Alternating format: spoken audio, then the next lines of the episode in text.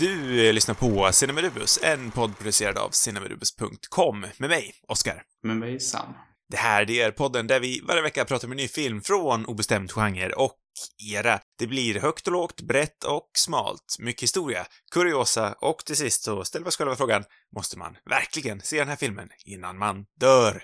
Veckans film, det är Synecdoche, New York, regisserad av Charlie Kaufman. Den filmen hade sin Sverigepremiär den 6 februari år 2009, alltså ett år efter den hade sin urpremiär i Amerika. Det här, det är en film på lyssnarförslag. Det är våran kära lyssnare Nisse som har skickat in en önskan om en film som han vill att vi ska prata om. gett Det blir- smeknamn också? Jag ber om ursäkt om du kanske vill heta Nils, men jag, jag, jag ger smeknamn till folk utan att fråga. Jag vet inte om det är oförskämt. Ibland tänker jag på det. Jag börjar bara folk, Ja. kalla folk för smeknamn, men de kanske blir förolämpade. Jag vet inte. Antingen så är det charmigt, eller så är det eh, douchigt. Jag vet inte riktigt. Jag lever på hoppet att det är charmigt, men jag tänker på det varenda gång. Om det är ett dåligt smeknamn, eller till och med ett öknamn. Nej, men Då det, är det, det är ju alltid, det är ju alltid de här vanliga. Det är ju liksom Nisse, det är eh, Ludde. Jonte, det är Ludde, det är, ja, de Pelle. där vanliga. Det känns ändå som att det, det, det, Potte. ja, har man ett sånt namn, då får man leva med det. Då är det Ogge. föräldrarnas fel, fel, fel Vilket är naturligen eh, smeknamn på ditt namn? Finns Ja, det tyvärr sånt? så är det ju Ogge. Ja, det är det. Så du jag är ju har också det naturliga. Jag är ju också partial. Jag gillar ju också när folk kallar, att kalla folk för efternamn. Det är ingenting jag gör. Det, det vågar jag inte riktigt göra. Men folk som kallar Södermalm! människor vid sitt efternamn, det är ju ballt. Svensson. Jo. Ehm, vem, vem ska introducera veckans film Synecdoche i New York när det inte är någon av oss som har valt? Ja, på sätt och vis kan jag känna att du borde berätta om handlingen eftersom du kan uttala titeln på filmen. Tror jag i alla fall Ja, att du kan. eller det känns som att du har tränat lite grann. Nej, men sen, jag, den här filmen har jag då velat sett. Ja, det här ska vi kanske komma in på senare, men jag har velat sett den här filmen väldigt länge. Och jag har läst lite om Synecdoche New York och lyssnat lite på om Synecdoche New York i många år, så jag, jag vet ändå hur det uttalas. Mm.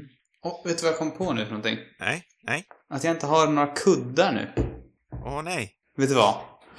Är det orent att springa och hämta kuddarna? Och liksom nej, men det har någonting. Det, har, det är produktionsvärde. Springa och hämta kuddar så blir ljudet helt plötsligt bättre. Ja, lite bättre kanske i alla fall. Det tror jag. Ja, okej. Men jag, jag springer iväg. Yes. Jag låter det rulla här. Jag tycker vi ska ha lite mer sånt... Eh, jag vill ha den här lite mer dokumentära känslan. Du vet, Okej. Martin Wiklin, söndagsintervjun, han, han har ju börjat lagt in sånt försnack och ibland är det- går han på en promenad till och med. Liksom innan och så här. Det är riktigt skakig ljudkvalitet men det... Mm. Ja men nu ska jag hämta kuddarna. För all Hämta del. kuddarna.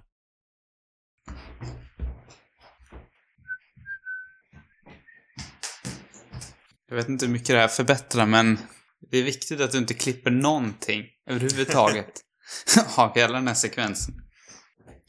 Vänta, gå... Yes.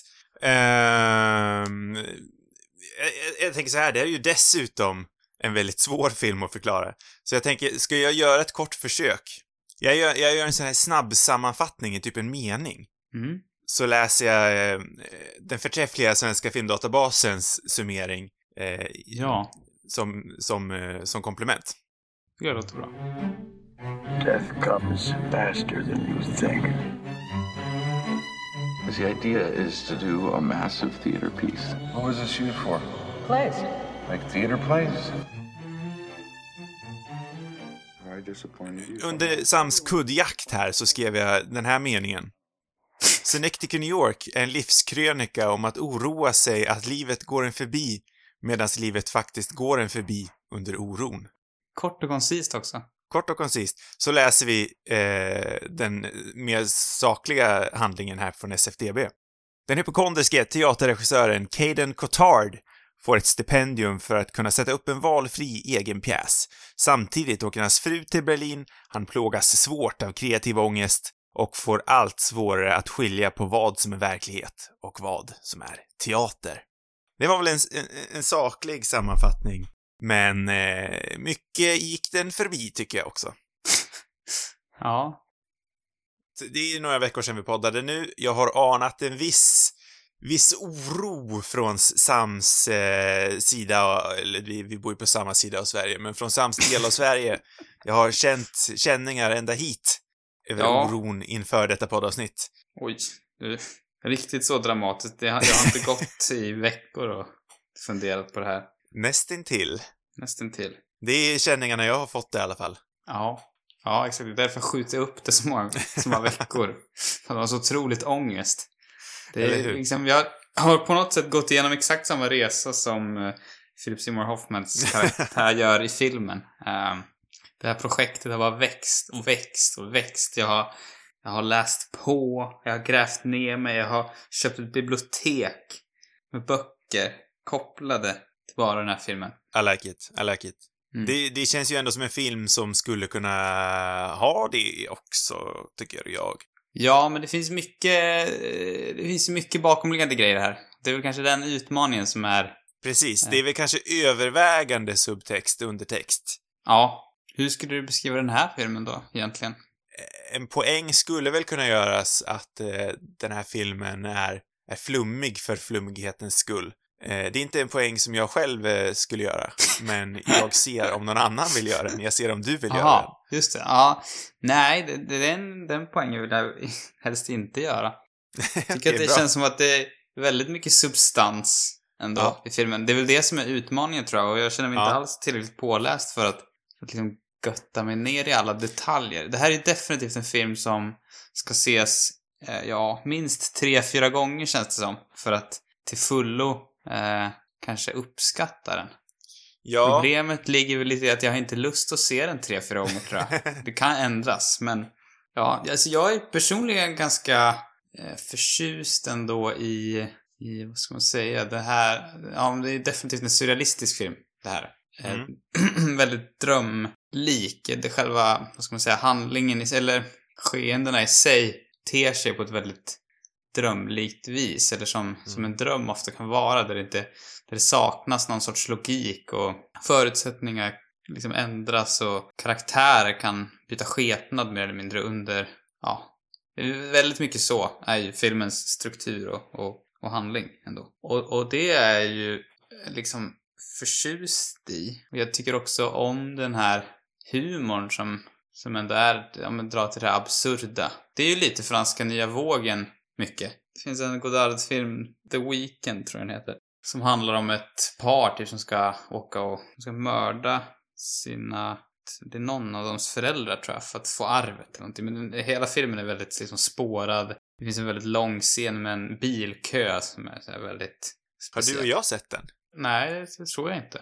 Jag tror att jag har sett den. Det låter väldigt bekant i alla fall. Ja, men den är väldigt färgstark, det är någon kannibal med, det är liksom mycket... Ja, men den är rolig liksom. Uh, om jag ska jämföra den med den här filmen, det som, som, som kanske gör att jag inte är lika sugen på att se om den här, även fast det finns så otroligt mycket liksom, underliggande, eh, alltså intressanta grejer som man vill utforska mer och se, så är det nog att den liksom saknar lite den där, eh, den där färgstarka som, som i Weekend till exempel, som är, är liksom lite mer lekfull. Det här är en otroligt deprimerande film ändå. Mm. Det är en otroligt deprimerad karaktär, hela känslan och atmosfären är väldigt deppig.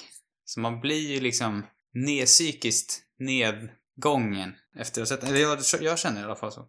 Det blir man ju, eh, men jag tycker, jag, jag, jag är ganska hänförd av den här filmen faktiskt. Eh, Mm. jag, jag, jag tycker att den är så fin. Och jag, jag älskade den, men det är en utmaning att beskriva varför.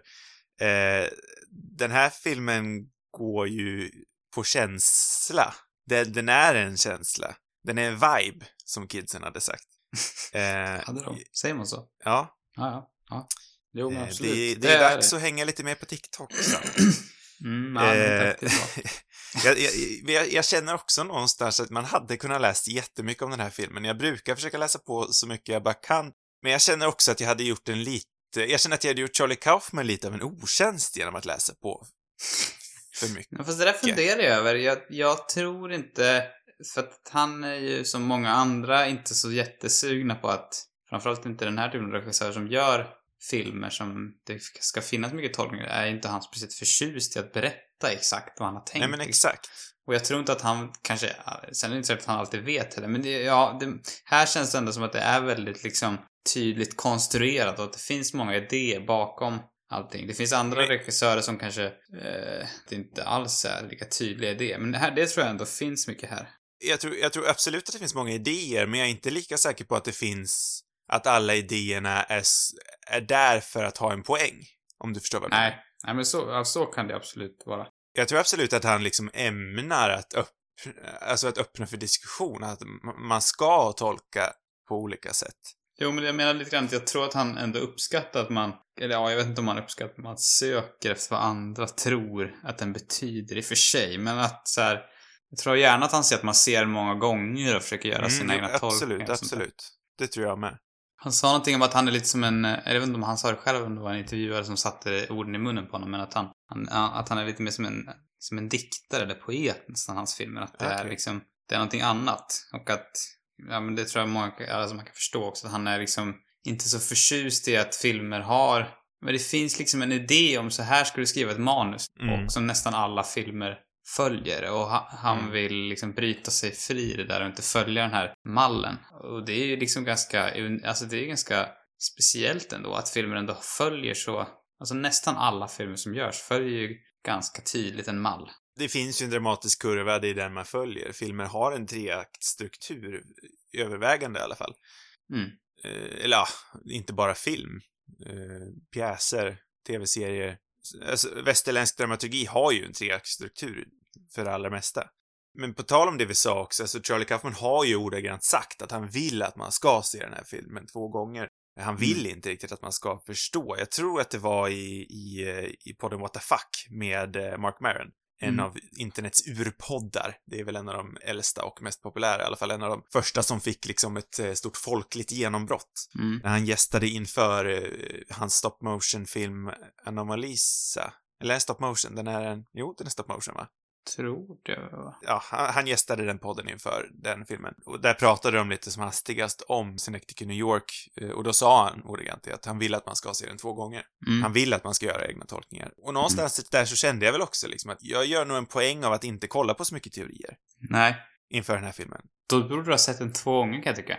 Ja, det, det borde jag kanske ha gjort. Jag borde också ha gjort det, men det har jag inte. I mina ögon så handlar den här verkligen om, om, om att livet kan passera dig förbi om du trampar kvar på samma ställe. Mm. Om jag var tvungen att koka ner den, vilket jag ändå är nu till den här podden, så är det det jag skulle säga. Har du samma tolkning, eller vad är din tolkning? Eller har du en tolkning? Går det att koka ner? Jag vet inte om min tolkning är lika specifik, eller att det finns en sån tydlig, vad ska man säga? Um, alltså den handlar ju om livet liksom. Det är ju Mm. tydligt. Livet och döden och Mm. Vad man gör liksom under sin livstid. Sen om det handlar om att just så här att man fastnar, på något sätt och vis så tycker jag ändå att Visst, han, han, han går väl väldigt mycket i sina fotspår, men han har ju också stora ambitioner som han på något sätt i och för sig, han lyckas ju aldrig liksom nå fram. Men, jag tror det är på livet liksom lite mer generellt. Alltså att det är... Alltså när man tänker på det så är det ändå ganska värdelöst på något sätt. Mm. På många vis. Uh, tiden passerar bara liksom. Och eh, jag, jag, men sen att den, den tar ju upp också mycket det här temat hos konstnären eller skaparen, alltså den kreativa personen, liksom plågan på något sätt. Och, och också det här att man har en kanske stor, som han i filmen har, en, en stor vision som bara växer och växer. Men han når Mm. liksom aldrig dit eller han blir aldrig klar. Det tror jag många kan relatera till. Och det kan väl kopplas till andra saker också. Människan vill ju hela tiden liksom nå näst, till nästa steg eller bli klar med saker. Alltså en konstant strävan någonstans. Eller många, tror jag, har den känslan. Men man, Men- man kommer liksom aldrig fram. Det finns Nej. inget så här, inget änder, ett, ett, ett mål som uppfylls och sen är man klar. Utan det är väl de tolkningarna jag gör. Vi har ju inte nämnt eh, rollistan i den här filmen, men Philip Seymour Hoffman spelar ju huvudrollen då, Caden Cotard. Och han spelar ju en teaterregissör, som sagt. Jag tror det var sagt i alla fall. Och han är ju lite av en sån här viktig Petter. Han kan ju inte ha fel och han försöker liksom styra allt i livet. Han låter inte livet hända honom, utan han, han vill styra livet. Mm. Eh, Det, det är ju liksom tydligt eh, i, de här scenerna i början av filmen med hans familj. Det är också väldigt tydligt i, i hans jobb såklart. Desto längre filmen går så, så skapar han ju en värld där han praktiskt taget leker gud och sen så blir han någonstans, han, han, någonstans så tappar han ändå kontrollen men det är inte medvetet när han han typ ersätter sig själv som regissör med, med, med Diane, Diane Weist, är det så hon heter? Weist, jag vet aldrig riktigt vad, hur man Oj. uttalar hennes namn. Inte jag heller tyvärr. Eh, ja. och, och någonstans där så, så, så, så fastnar man ju, men ska man koka ner det så, så, är det väl ungefär det jag, jag tänker att den här filmen försöker säga. Eh, Mm. Men det är, det är ju en dikt. Det, den, den, den, den förmedlar känsla via abstraktheter, näst, nästintill i alla fall. Det är ju inte totalt abstrakt. Nej, men det är liksom rörigt. Eller det är ju allt konstant, eller hela filmen i sig är ju liksom drömlik som jag sa. Eh. Ja, och det finns ju abstrakta drag i den.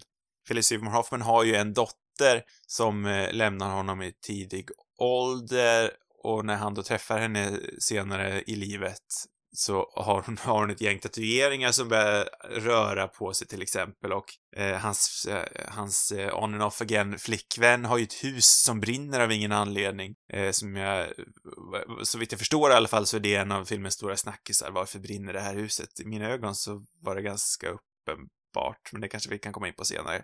Vad mer för abstraktheter är det som händer? Så det är väl mycket, jag vet inte om jag kan sätta finger på det. Allt är ju liksom ganska luddigt som du sa. Eh, tid, alltså konceptet av tid är ju också förvrängt Mm. på något sätt. Ibland känns det som att tiden passerar liksom väldigt fort inom samma scen mer eller mindre. Och, och han har ju liksom aldrig någon riktig uppfattning om... Han som person är ju också...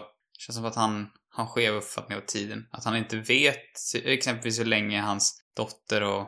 eh, För ganska tidigt i filmen så flyttar ju hans dotter och fru till Berlin istället. De skiljer väl sig typ. Eller jag vet inte om de skiljer sig, men hon lämnar honom i alla fall. Hon tar sitt pick och pack och drar. Ja, och eh, han vet ju inte själv typ hur länge de har varit borta. Ibland känns det som att det är eh, bara någon vecka och ibland så är det flera år och det, det är liksom...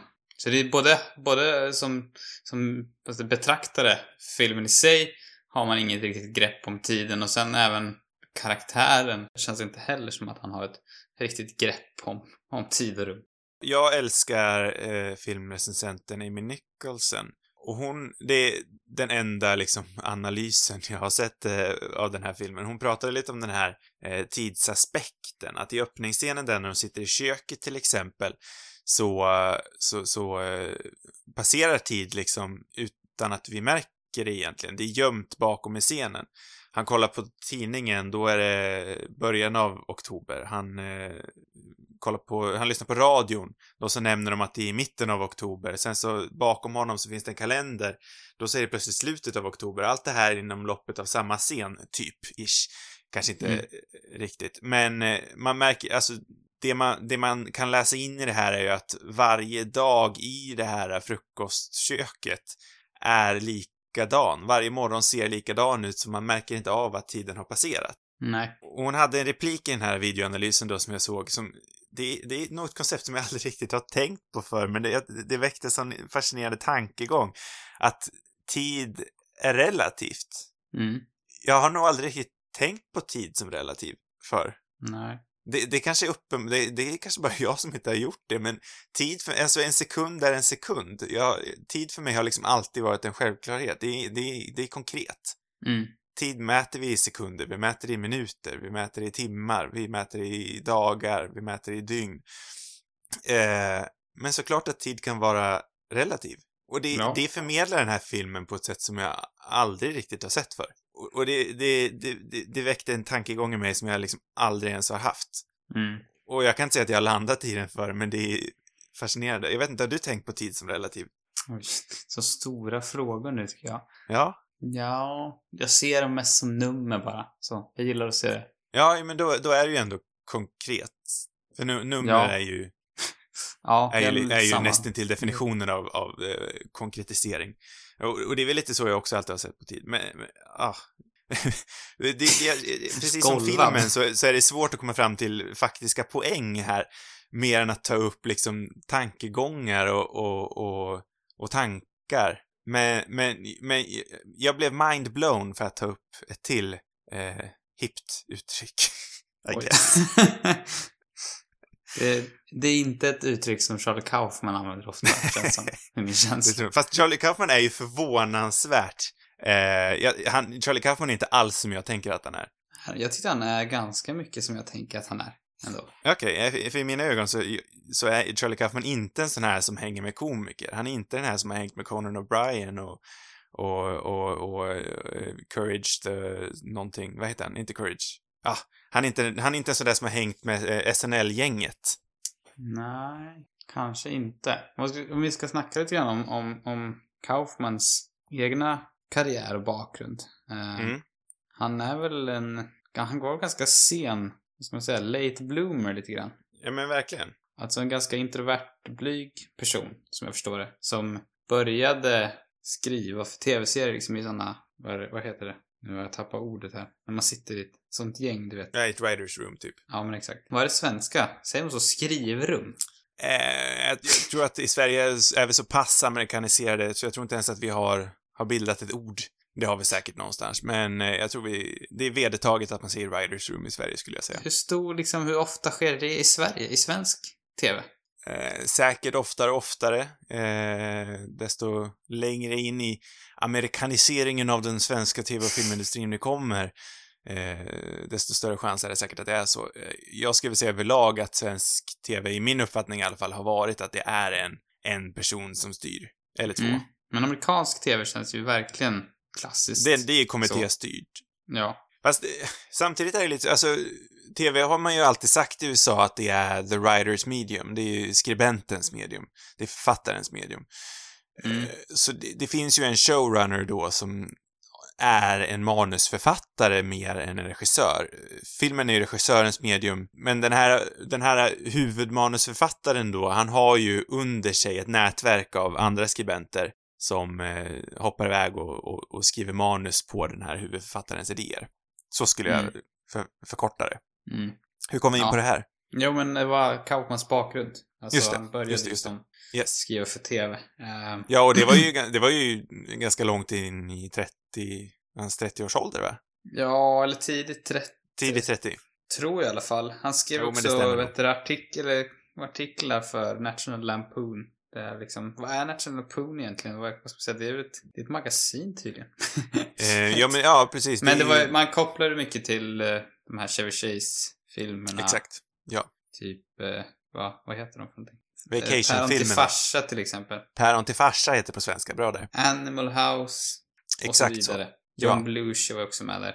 Mycket. Ja. Men eh, det känns ju ändå stämmer liksom med, nu vet inte om han har någon koppling till de där filmerna, det tror jag inte men. Men han började liksom i den världen i alla fall och skriva för tv-serier. Han hade skrivit för The Simpsons också, till exempel. Ja, och det var väl bland annat där han träffade Conan O'Brien och dylikt, tror jag. Började också där. Eh, ja. Nej, men det, är- det är intressant. Men innan han började skriva manus så, så, så, så, så, så eh, var han på väg att ge upp, tror jag. Han flyttade till, om, om det var Minnesota eller någon, någon liknande amerikansk mellanstat. Mm.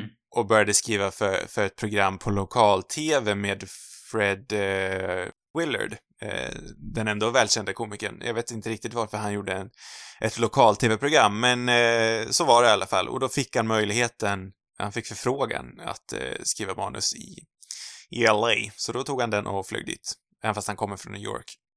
Och sen i sin tid då, då så, så började han ju skriva eh, filmmanus. Eh, det här, Synecdoche New York är ju hans regidebut. Innan det här så har han ju Mm. skrivit många välkända manus, men då har han ju blivit regisserad av Spike Jones till exempel, eller vad heter han, den franske togen? Michel Gondry. Michel Gondry, precis. Ja, jag har ju egentligen bara sett uh, Eternal Sunshine of the Spotless Mind, eh, som han har skrivit manus till. Men den, eh, det var länge sedan jag såg den nu, men den, den var jag verkligen förtjust i. Ehm, Den är underbar. det är, eh, jag vet inte. Om jag får jämföra med den här filmen så finns det liksom en annan sorts, kanske att jag, att jag gillar premissen så mycket där, men att det, den också känns också lite mera, den är väl också deppig. Alltså själva premissen där är ett par som, som, eh, ja, deras relationer på väg mot sitt slut. De bestämmer sig för att, att eh, göra någon sorts medicinskt ingrepp för att bara radera minnet av varandra. Mm. Men det tycker jag är en väldigt eh, stark premiss. Eh, Mm. Den var, tyckte jag verkligen om, kommer jag ihåg. Så det är lite Mm. skillnad där. Eh, men å andra sidan, den här filmen handlar ju också om, om kärlek, som inte har nämnt så mycket, och den handlar om kanske relation till barn och... Eh, men men jag, jag tror det som gör att jag kanske gillar den Eternal Sunshine mer är att den kändes mer liksom, mer fokuserad kanske. Det, för Synecdoche är ju väldigt liksom stor ändå i sina idéer. Liksom det finns, Mm. Eh, det finns många olika delar. Det är livet, döden, det är relationer och det är det här kreativa konstnären. Eh, Mm. Vilket kanske i sin tur tar ganska stor Ja. del mot slutet. Ja, det är lite därför jag, jag bedömde det som en livskrönika i början. Det känns ju lite som att den, den, den behandlar många av livets hållplatser. Mm. I alla fall 40 plus. Ja, jo men verkligen. Och, och, förlåt, nu avbröt jag dig. Nej, nej. Det, det känns ju också lite som att eh, jag tror att den här filmen är skriven av Charlie Kaufman när, när han liksom också, eller jag vet att den skrevs av Charlie Kaufman när han var i de här tankegångarna själv. Han började väl närma sig medelåldern, eh, började tänka på dödlighet, började tänka på åldrande. Eh, och det, det är väl just därför han behandlar dem. Han kanske inte lyckades konkretisera de här tankarna själv. Nej. Antagligen inte, är min tanke i alla fall. Nej, men så kan det nog vara. Han är ju också intressant, Kaufman, för att, för att eh, det var något annat citat jag läste, det, har- det har jag faktiskt inte koll på vart det kommer ifrån. Eh, men det var någon som sa att även när, när Kaufman blir regisserad, när hans manus blir regisserad av andra personer, så är det en Kaufman-film ändå. Jo, Det är inte en. Spike Jones-film, det är inte en Michel Gondry-film, även fast det såklart finns drag av dem, men i grund och botten så är det ändå en Kaufman-film. Ja, jag tror, alltså man, som Gondry till exempel vet jag att han sa att, att, just, att anledningen till att samarbetet med dem funkat så bra var att de just liksom har lite samma smak och, och kanske hur de vill liksom konstruera sina filmer eller Mm. eh, sina intressen liksom.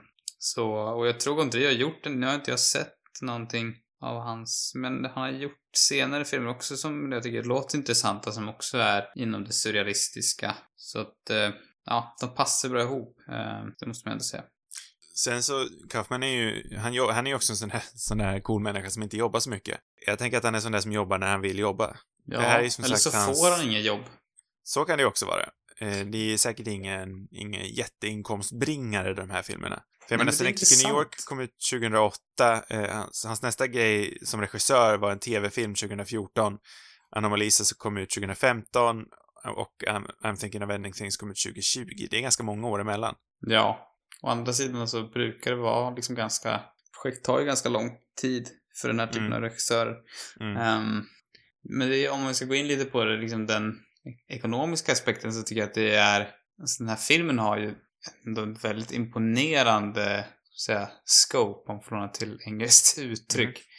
Alltså st- st- storslagenheten i den. Jag, jag tycker scenografin är ju fantastisk. Det är otroligt häftigt hur de har byggt upp hela den här han, för han bygger ju sin replika av New York mer eller mindre i en gigantisk hangar och det är massor av statister och det är liksom det, det känns, alltså att han har fått den budgeten till den här filmen ändå, det, det tycker jag är imponerande. Sen så Mm. gick den inte så bra, tror jag. Vilket man också kan förstå. Jag tror inte att det är en film för, för massorna riktigt och jag tror inte att det är hans Nej. ambition heller. Det är roligt tycker jag att se den här typen av filmer få ändå en sån typ av budget.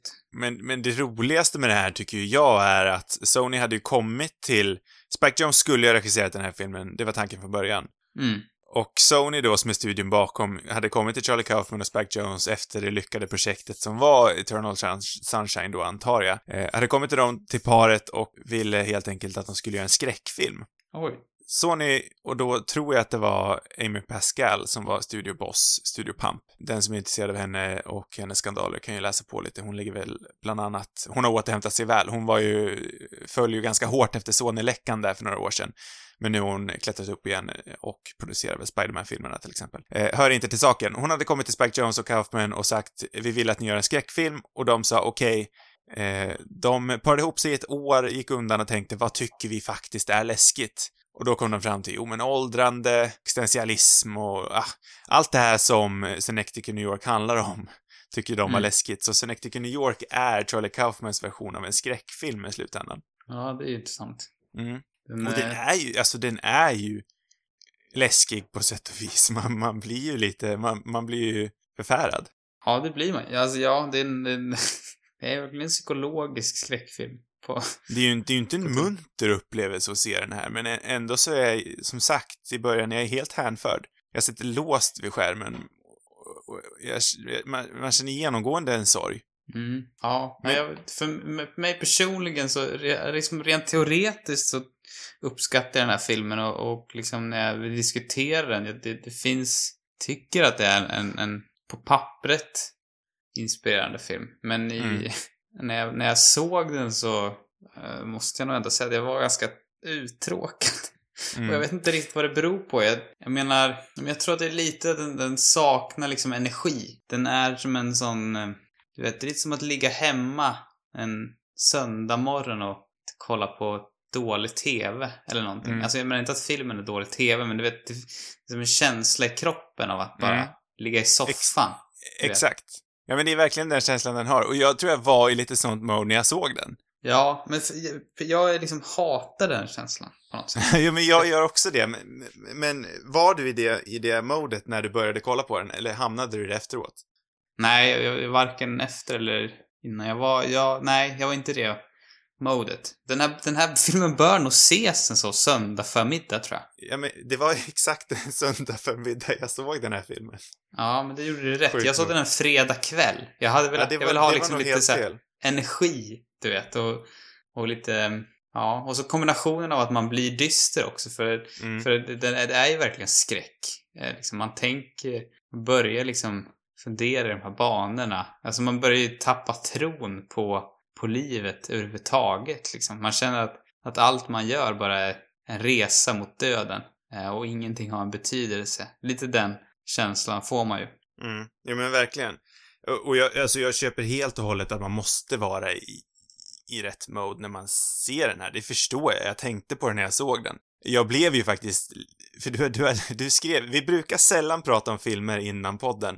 Vi brukar Mm. försöka hålla oss ganska liksom, ganska rena inför varandra innan, innan, innan diskussionen. Men du skrev till mig den här gången och frågade om jag hade sett den eh, och så förklarade, ja, du gav mig i alla fall en känsla av hur du kände. Mm. Eh, nu kommer jag inte ihåg, jag kanske ska se exakt hur du, hur du beskrev det, för flummig vill jag säga i alla fall var, var andemeningen i det.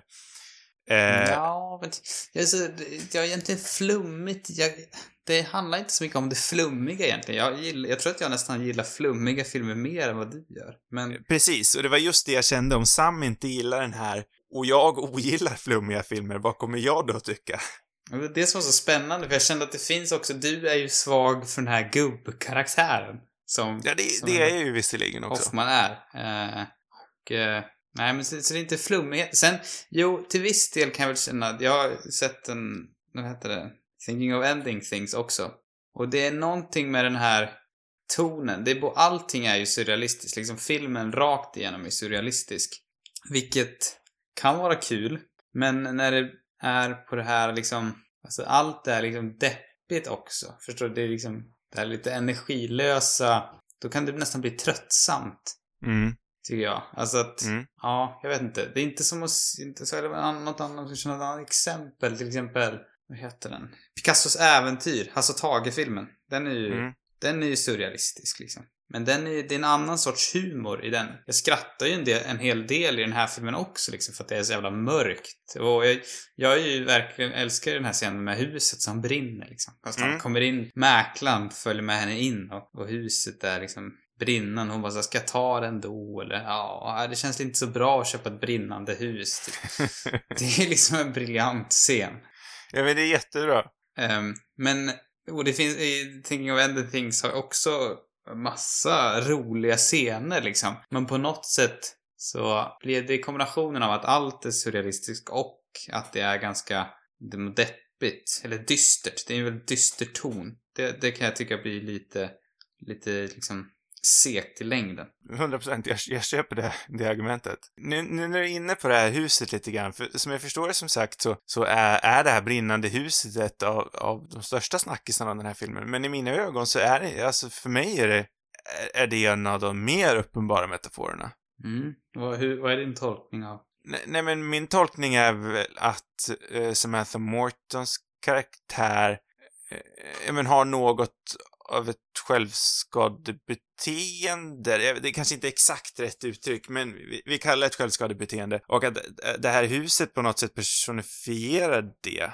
Eh, hon vet vad hon ger sig in i. Hon ser att hon går in i ett brännande hus, i ett brinnande hus. Hon vet att det, att det inte är smart att köpa ett brinnande hus, men ändå så gör hon det. Mm. Ja. Det är min Jo. tolkning i alla fall. Jo, men det, det var nog min tolkning också. Det var, jag har läst någonting också, det finns en koppling till någon. Alltså man tänker ju väldigt mycket på döden när hon köper det här huset så här.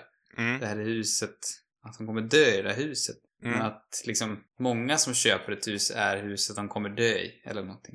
I Mm. den stilen. Vilket är lite roligt.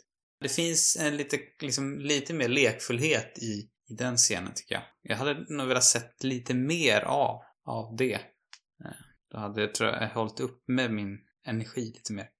Mm.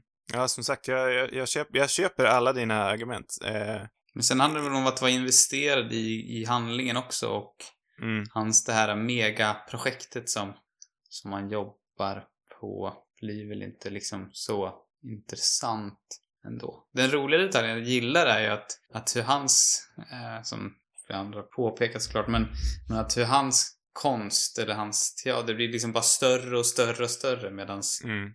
Medans hans fru, eller ex, hennes konst blir bara mindre och mindre liksom och slutar han på någon utställning och måste gå runt med någon typ zoom eller ja, Förstoringsglas. förstoringsglas. Typ. Det är väldigt Ja, komiskt. det, det är väldigt roligt. Och vad, vad det exakt säger, det kan man väl tolka på lite olika vis. Men... Nej, det var faktiskt ingenting jag tänkte på själv när jag såg filmen, men jag har, jag har också hört den, hört, eh, ja, jag har hört om den parallellen nämnas. Men det är ingenting jag känner att jag riktigt har en reflektion över.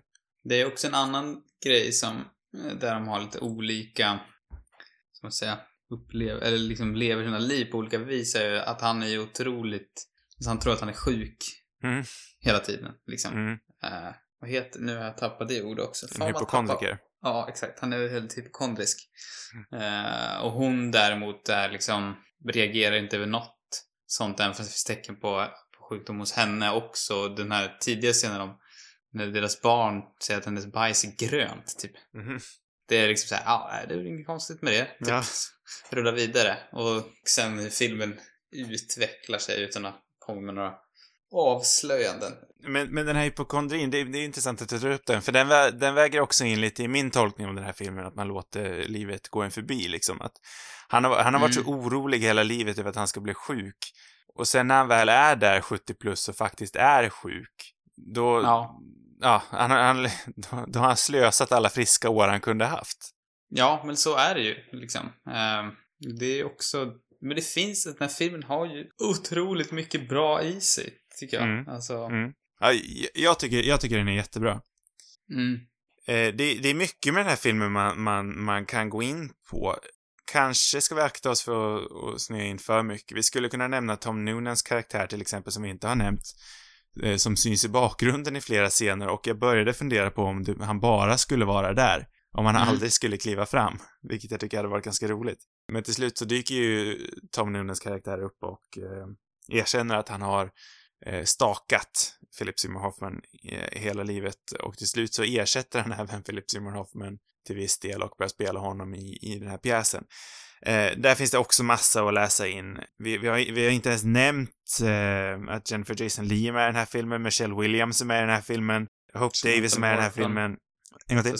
Det hade kanske ha nämnt Samantha Morton. Vi har nämnt Ja, vi nämnde henne lite som hastigast. Vi skulle kunna prata mycket mer om henne också. Det är ju tre huvudsakliga relationer i den här filmen, kärleksrelationer, eh, som vi knappt har pratat om. Eh, Är, är det någonting som du känner att vi, någon, någon brännande punkt som vi inte har nämnt? Nej, men jag vet inte. Det är en, en till del som du var lite på väg komma in på där är väl alla liksom, dubbelgångare Mm. i filmen. Som Noonan till exempel, som, som sen spelar, heter det, jag vet inte hur blir det? Han spelar, det är väldigt många lag, det är väldigt meta det där, men det är dubbelgångare som spelar dubbelgångare mer eller mindre va? Jag vet inte, vad, vad tror du han vill säga med det egentligen? Alla de här dubbelgångarna som, som dyker upp. Jag är inte riktigt säker på det faktiskt. Jag, jag, jag, jag tänker liksom hur, hur det ska gå ihop med min tolkning av filmen, för han, det blir ju liksom typ att han ersätter sig själv. Mm. Eh, han ersätter sig själv med en ersättare som sen tar livet av sig själv på samma sätt som han tänkte ta livet av sig. Och då så blir han ersatt av en kvinna. En äldre dam. Och då tar han väl på... Ja, jag, jag vet inte. Det, jag, jag kan faktiskt inte säga att jag har en tolkning av det. Det fan, ja, nu minns jag inte vad jag, vad jag läste om någonting, men jag kanske borde ha en egen tolkning egentligen. Jag tar bara tolkningar. Lånar dem. Nej, men och, och sen- alltså jag köper 100% att man kan ta det lika mycket som en kritik. Att, Vadå för någonting? Att, nej, men, nej men att eh, det blir så ogreppbart på något vis att man inte kan eh, göra en tolkning. Eller så är det bara vi som missar någonting. Men eh, man, jag, jag köper det om man, om man blir frustrerad av det där. Att det blir en kritik mot filmen, att det är så mycket tolkningar som behöver göras. Alltså den kräver ganska mycket av tittaren på något vis, den här filmen. Jo, men det gör den ju. Jag, jag, jag återkommer lite till det här George Lucas-begreppet som han, han myntade eh, inför hans prequel-trilogi. Den eh, då väldigt hatade, idag kanske lite omvärderade eh, ja, han använde i alla fall begreppet tone poems. Han kallade sina filmer för tone poems. Mhm. Eh, att de här filmerna eh, jobbar mer för att sätta en ton mer än, än, eh, än att eh, konkretisera eh, vad som händer, om du förstår vad jag menar. Eh, jag, jag fattar faktiskt inte riktigt hur han får de filmerna att bli en tone poem. Den här tycker jag känns lite som en tone poem, alltså en tondikt, typ. Mm, just det. Ja, det är spännande att han använder dem sina Ja, prequel, Star Wars prequel-filmer. exakt så. Eh, nej men, den- ja, jag sa det tidigare, George Lucas begrepp passar väl in, men jag, jag, jag, landar verkligen att det här filmen är så pass nära en liksom filmisk dikt jag, jag, kan komma i alla fall. Mm. Jo, ja men det kan jag hålla med om. Vi har, vi har spelat in ganska länge nu. Eh, är det någonting du verkligen vill säga Hmm.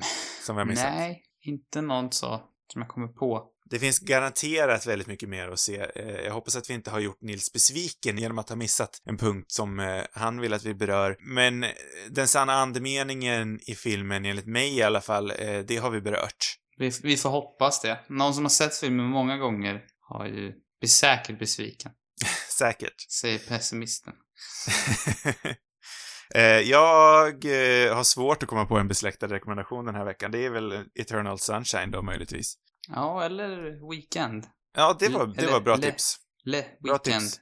Good, good Inte tip. Godards bästa film, men den, den, är, den är lite skoj. Framförallt den där, framförallt början som jag minns det. Bra tips, Sam. Eh, tycker du att eh, man ska se den här filmen innan man dör dock? Mm. Ja.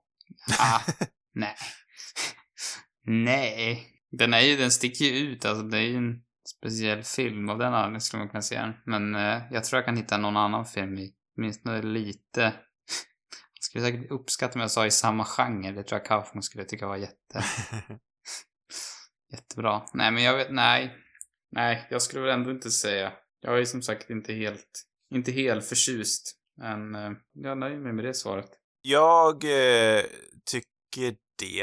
Eh, det var länge sedan jag såg en film som fick mig att, att, att tänka så mycket. Bara, bara, alltså det, det, det är kanske jag som har missat en tankegång som många har. Men bara, bara den här tankegången att tid kan vara relativ har, har, har ändrat min världsbild. Nej, inte riktigt. Men eh, det, det är en fascinerande tanke som jag, som jag tänkte mycket på efter. Eh, Har du aldrig hört det begreppet för? jag har aldrig sett någonting som får mig att, att förstå, att förstå den, det perspektivet. Nej. Jag har, jag har aldrig riktigt kunnat sympatisera med folk som säger att tid är relativt. Mm, jag förstår. Men- Men den här filmen, Inte ens sympatiserat med dem.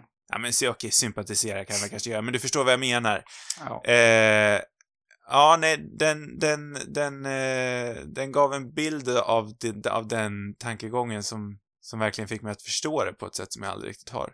Nej. Vilket, eh, ja nej, fascinerande. Så ja, eh, jag tycker att man ska se Syn- Synecdoche i New York eh, innan man eh, dör. Sam, nästa vecka då är det din tur att välja film. Eller nästa vecka är det kanske inte, men nästa gång vi poddar, då är det din tur att välja film. Vilken vill du att vi ska prata om? Det blir eh, Lukas Moodyssons fucking Åmål från 99. Den otroliga svenska filmen av eh, Moodysson. Hans, är det hans magnum opus? Jag tror det. Hans, Kanske det. hans bästa film än så länge. Pinsamt erkänna att jag aldrig, jag har aldrig sett den faktiskt. Men Väl, eh, väldigt fin. Eh, Då skulle vi också kunna snacka eh, om att, eh, ja men det kan vi ta då, men jag, har- jag, jag har en långdragen koppling till Alexandra Dahlberg som är en av huvudkaraktärerna i den filmen. är inte hon? Vänta, nu blandar du deras namn tror jag. Dahlström. Dahlström, förlåt. Och eh, Liljeberg heter de. Så, så pass långdragen är den. Men hon är från Gävle. Det är hon. Precis som vi. Är det, är det därför? Vad spännande. Det kan vara därför. Mer om det nästa avsnitt, när nu det blir. Eh, väldigt spännande. Fuck Normal, vart finns den? Lite överallt kan jag tänka mig. Mm, eh, jag tror den finns på HBO. Passa på att se på den eh, till eh, nästa avsnitt. Just till Eh, någon fler... gång. Vad sa du? Till någon gång. Till någon gång, precis. Fler avsnitt, de hittar ni på eh, cinemarubus.com och i valfri lyssningsmaskins appsak. Har du fråga som du vill ha svar på, eller kanske ett förslag, precis som Nils hade denna vecka, så kan ni skicka in det till cinemarubus.gmail.com så pratar vi kanske om den filmen någon gång i framtiden. Sociala medier, det har vi också. Där heter vi Cinemarubus på Instagram och eh, kanske på Twitter om det finns kvar, men det har ju folk sagt nu i några veckor och eh, ännu står det kvar. Kanske ska man skaffa det här Mastodon och, och vad, vad mer heter den här nya tjänsten? Det är någon ny streaming eh, sociala medietjänst också. Det är Mastodon och Oj, nu... Mastodon och någonting till spås ju eventuellt bli nästa stora grej. Eh, sak samma. Känner mig Där. gammal. Men, ja. Ja. God natt! God natt.